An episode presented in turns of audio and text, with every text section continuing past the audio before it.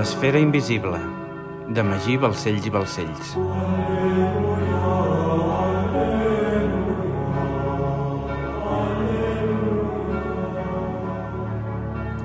Capítol 20. Verd de Maragda. Dimecres 29 d'abril de 1304. Comanda de Patan. Gran província de Ponent. Sobre un àrid altiplà de color vermellós, a la llunyania s'intuïa la silueta d'una construcció que sobresortia del monòton horitzó. A mesura que s'acostaven, la claredat es feia més present i es veia amb major nitidesa un gran penó amb la creu paté vermella onejant sobre una gran torre central – Després de nou mesos, Guillem arribava definitivament a la comanda de Patan, la propietat més occidental de l'Orde del Temple i seu de la mina de plata més gran del planeta. Mirant la comanda, Guillem sentia un nerviosisme indescriptible per la proximitat a Maria i el seu fill. Malgrat el periple que havia viscut des que havia arribat a la gran província de Ponent, tenia un pressentiment optimista i sentia que els podria abraçar de forma imminent. Tancava els ulls, Respirava de forma profunda i li semblava que els podia tocar. Podia sentir la seva olor i intuir la seva presència. El cor li anava a mil. Tenia els sentiments a flor de pell i no podia opiar un sentiment d'extrema felicitat que li humitejava els ulls i li mullava les galtes. Per fi havia arribat el moment. Havien passat anys. Havia viatjat a Xipre. Havia lliurat el gran mestre. L'havien ferit a la cama. Havia viatjat a Roma, a París, a la Rochelle. Havia creuat l'oceà havia naufragat. Havia dormit durant mesos somiant amb el judici de Maria i amb el petit Joan repetint les paraules bell lloc. Havia vist l'obelisc atlant. Havia trotat durant mesos sobre aquell extens continent perdut.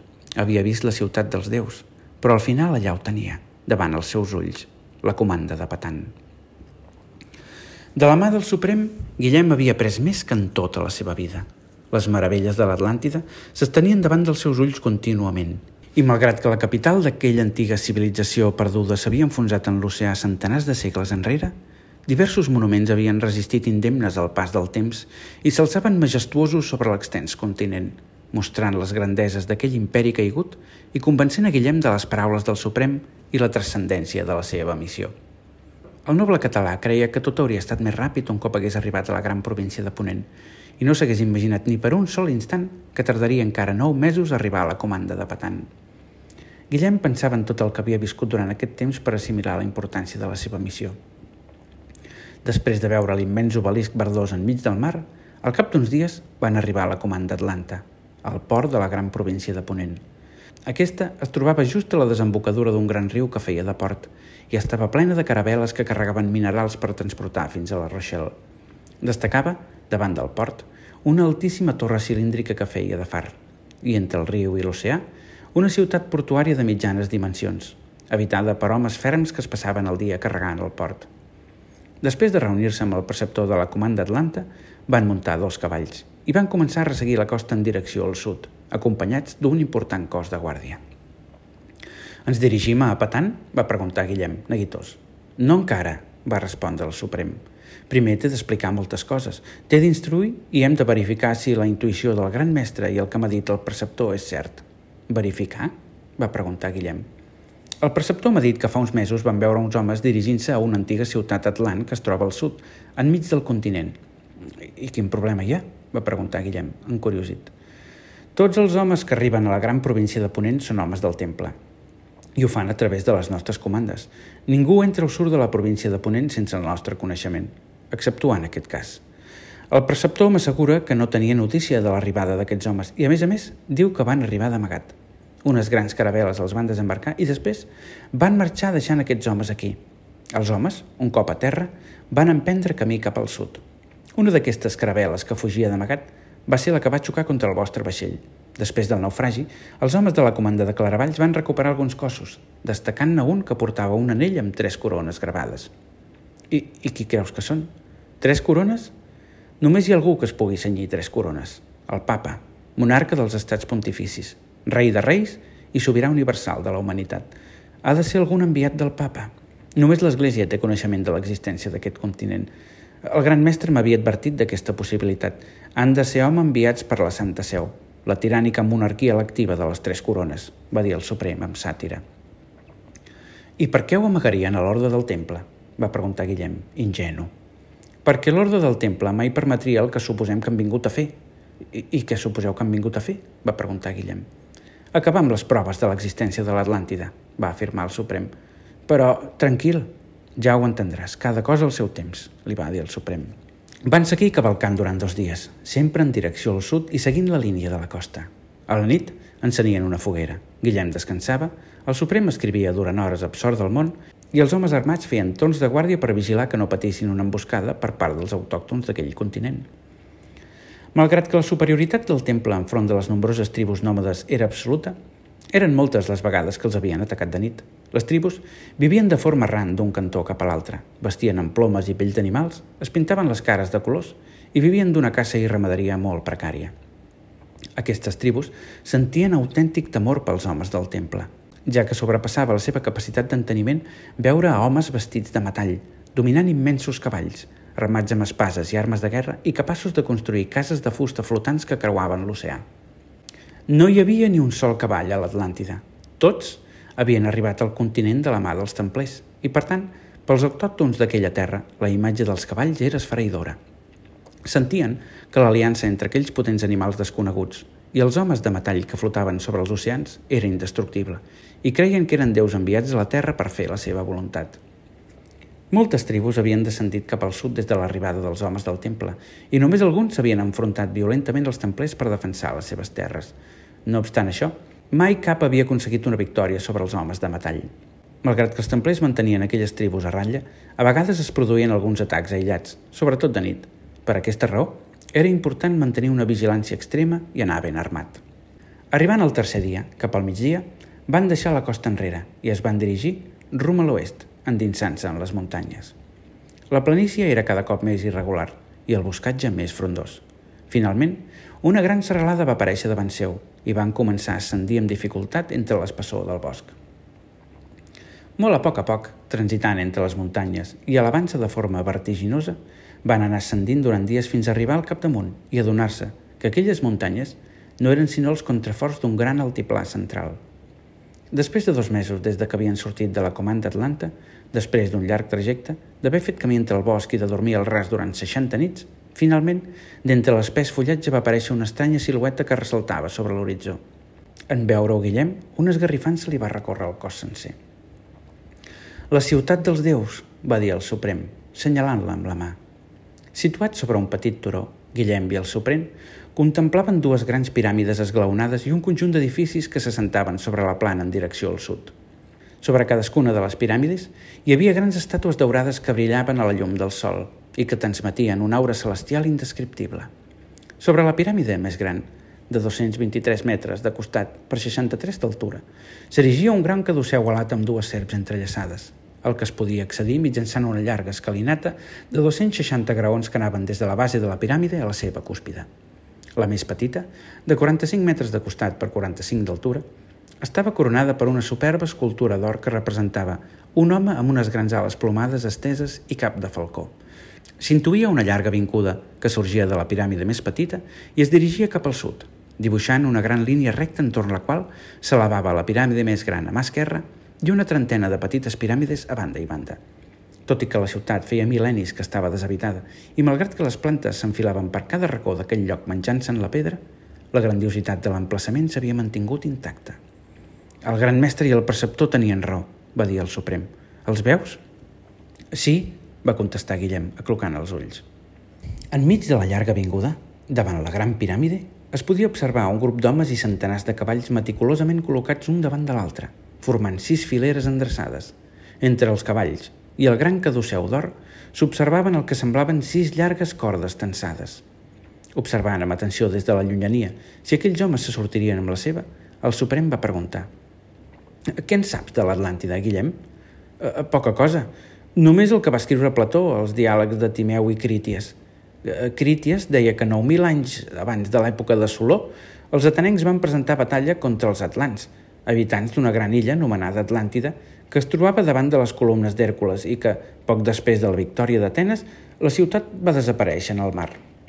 Ja els hi hauria agradat als atenencs, va dir el Suprem amb ironia. Atenencs i atlants mai van coincidir en el temps, però com has pogut comprovar, l'Atlàntida existeix. L'únic cert del text de Plató és l'existència de l'Atlàntida i la seva desaparició al fons del mar. L'Atlàntida era una antiga civilització molt superior a la nostra i gaudien d'un elevat coneixement que plasmaven en les seves obres, com has pogut comprovar amb l'obelisc de l'oceà. No reconeixes cap símbol? li va preguntar, senyalant les grans estàtues de sobre les piràmides. Guillem va clocar els ulls i va dir les dues serps entrellaçades em recorden el Bafomet.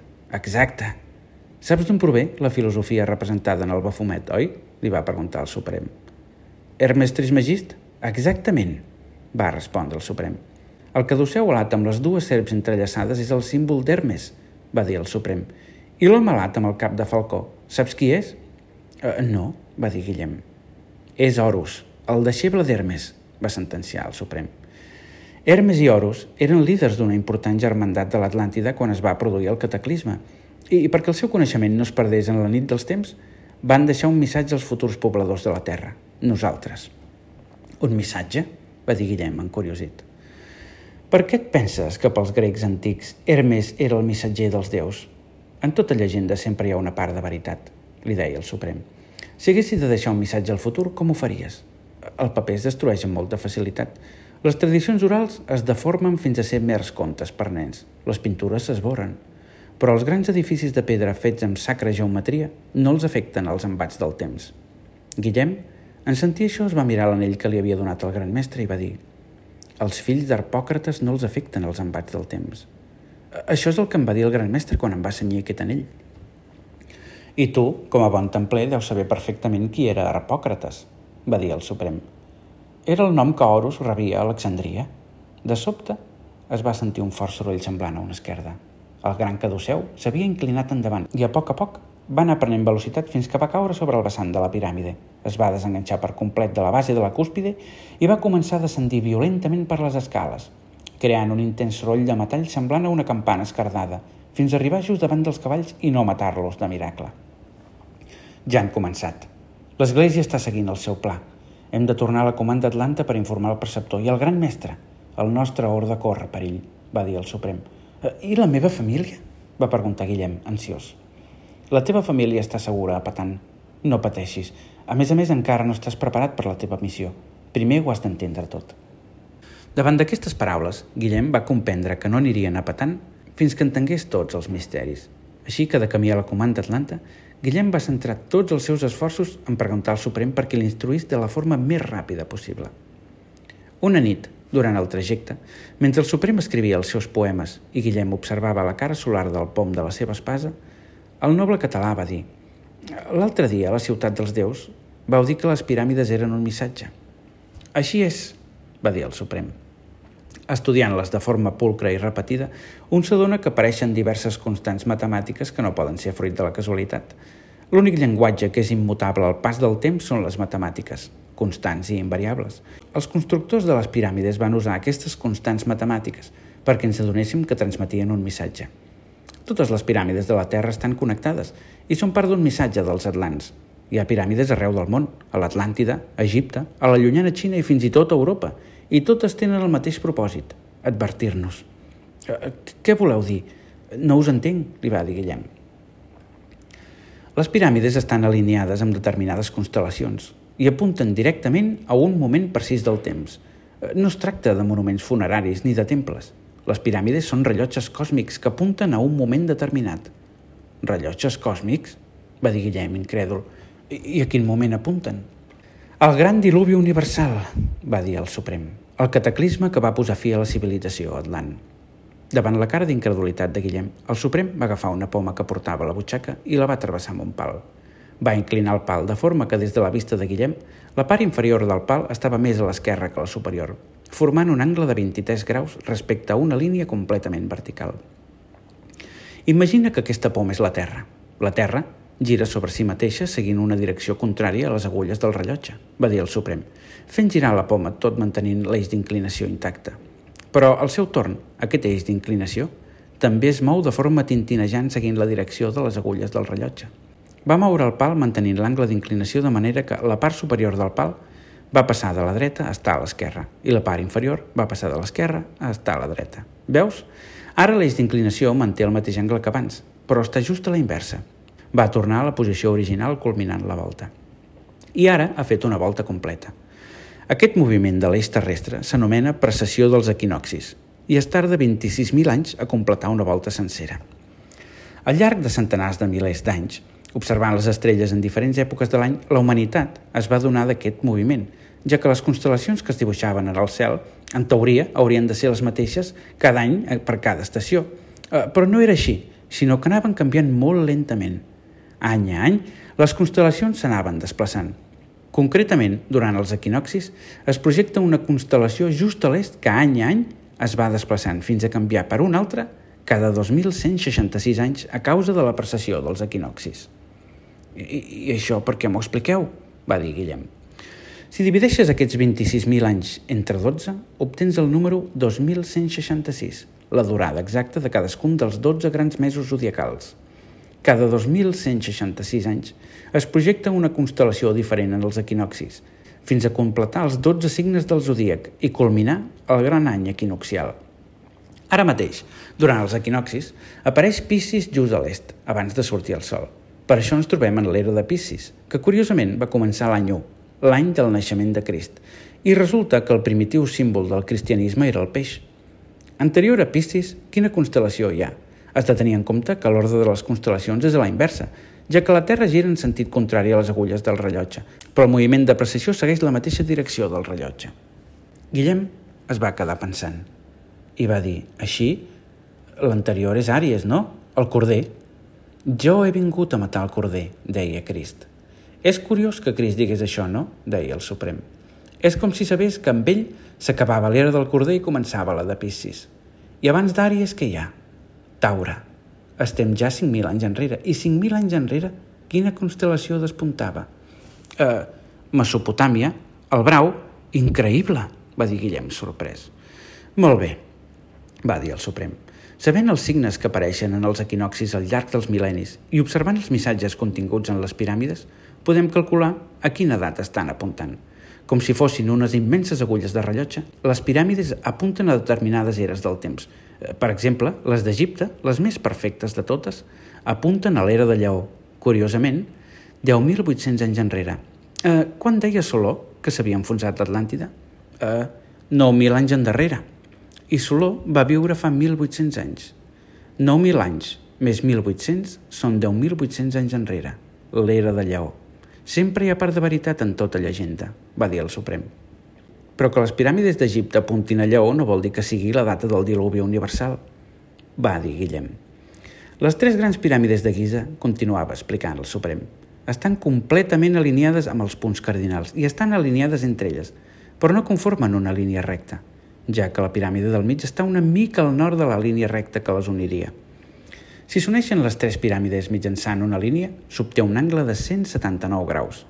La distància entre les piràmides i l'angle que conformen són una representació exacta a escala de la constel·lació d'Orió. El mateix passa amb totes les piràmides d'Egipte i amb el Nil.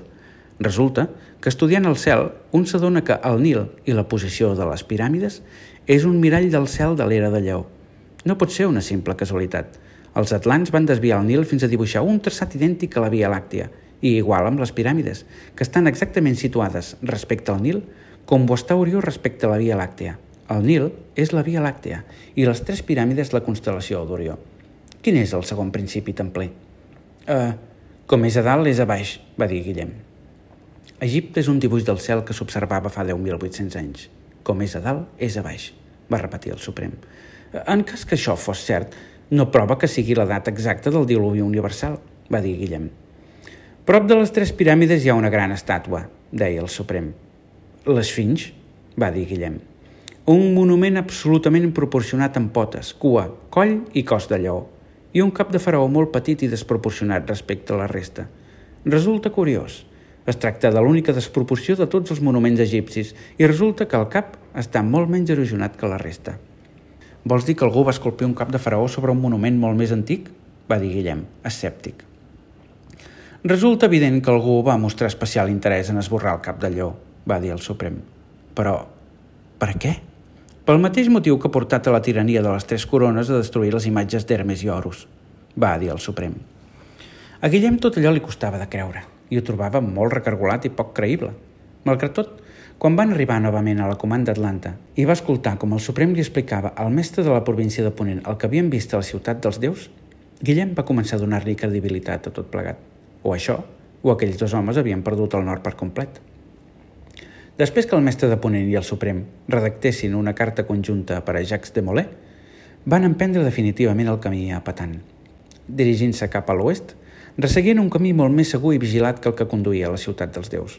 Entre la comanda Atlanta i la de Patan hi havia tres comandes més, totes elles unides per un camí vigilat en tot moment per on transitaven llargues caravanes de mules carregades de la plata de Patan. A cada pas que feien, Guillem sentia la seva família més a prop i l'eufòria el desbordava.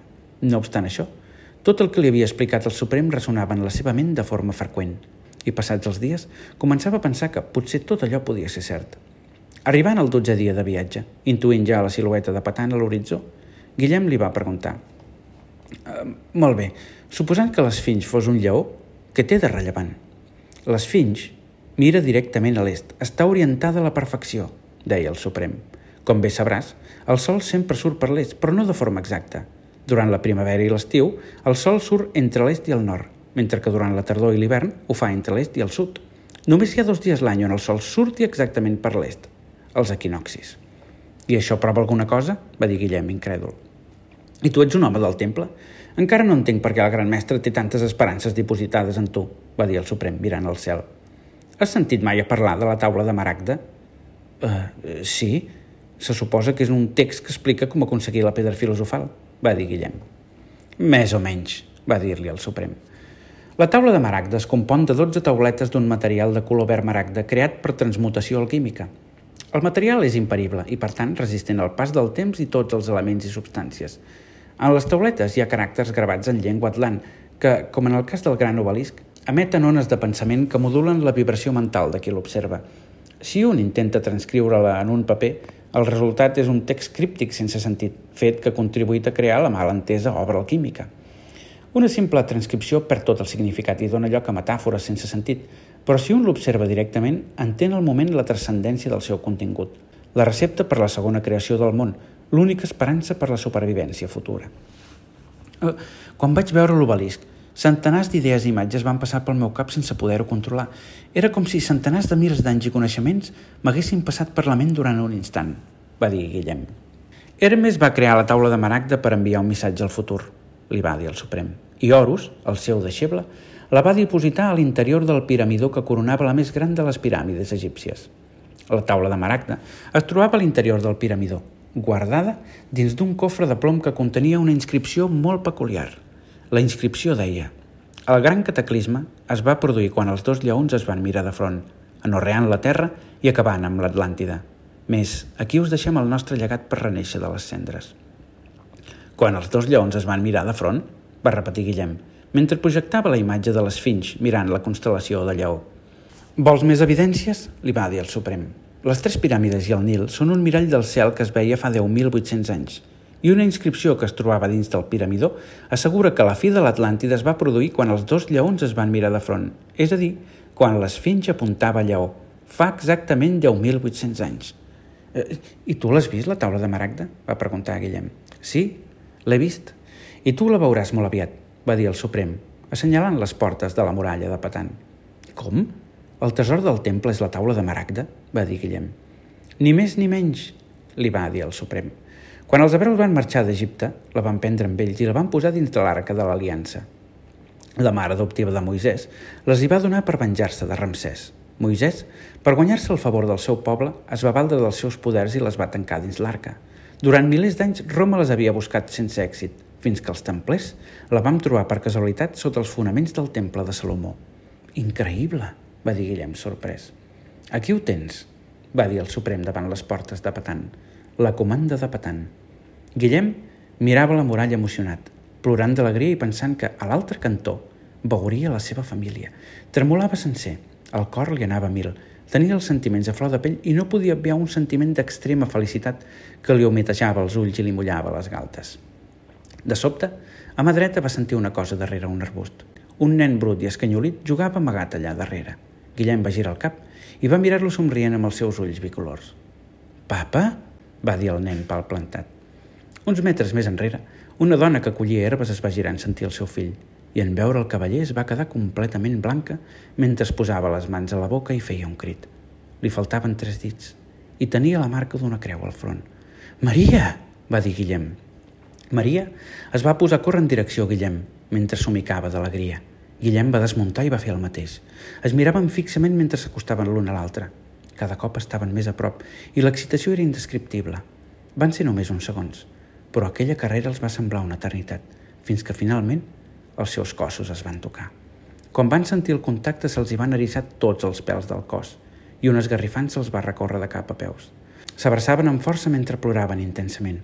Es miraven i es tornaven a abraçar, arrencant un nou plor d'alegria. S'acariciaven les galtes amb absoluta tendresa i es besaven. De sobte, el petit Guillem va tocar la cama de la seva mare i aquesta, tot posant-se de genolls, li va dir «Ha vingut el papa». Guillem es va posar de genolls, va mirar el seu fill ple d'amor i el va abraçar amb força. El nen es va acostar a l'orella del seu pare i li va dir «La mama m'havia dit que vindries i tenia raó. T'estimo, papa». Tots tres, agenollats a terra, s'abraçaven, es besaven i reien plens de joia i alegria. El temps i l'espai havien desaparegut. No notaven la calor ni la llum del sol. Havien oblidat tot el que els envoltava. No hi havia res. No existia res més que aquell sublim instant. Sens dubte, el moment de més suprema felicitat que havien sentit mai. De sobte, una gran estrella fugaç va creuar el cel fent-se visible entre la claror d'aquell dia radiant. Com a conseqüència, just en aquell instant, un gran núvol gegantí de gas interestel·lar a l'altre cantó de la Via Làctea va col·lapsar fent néixer una nova estrella.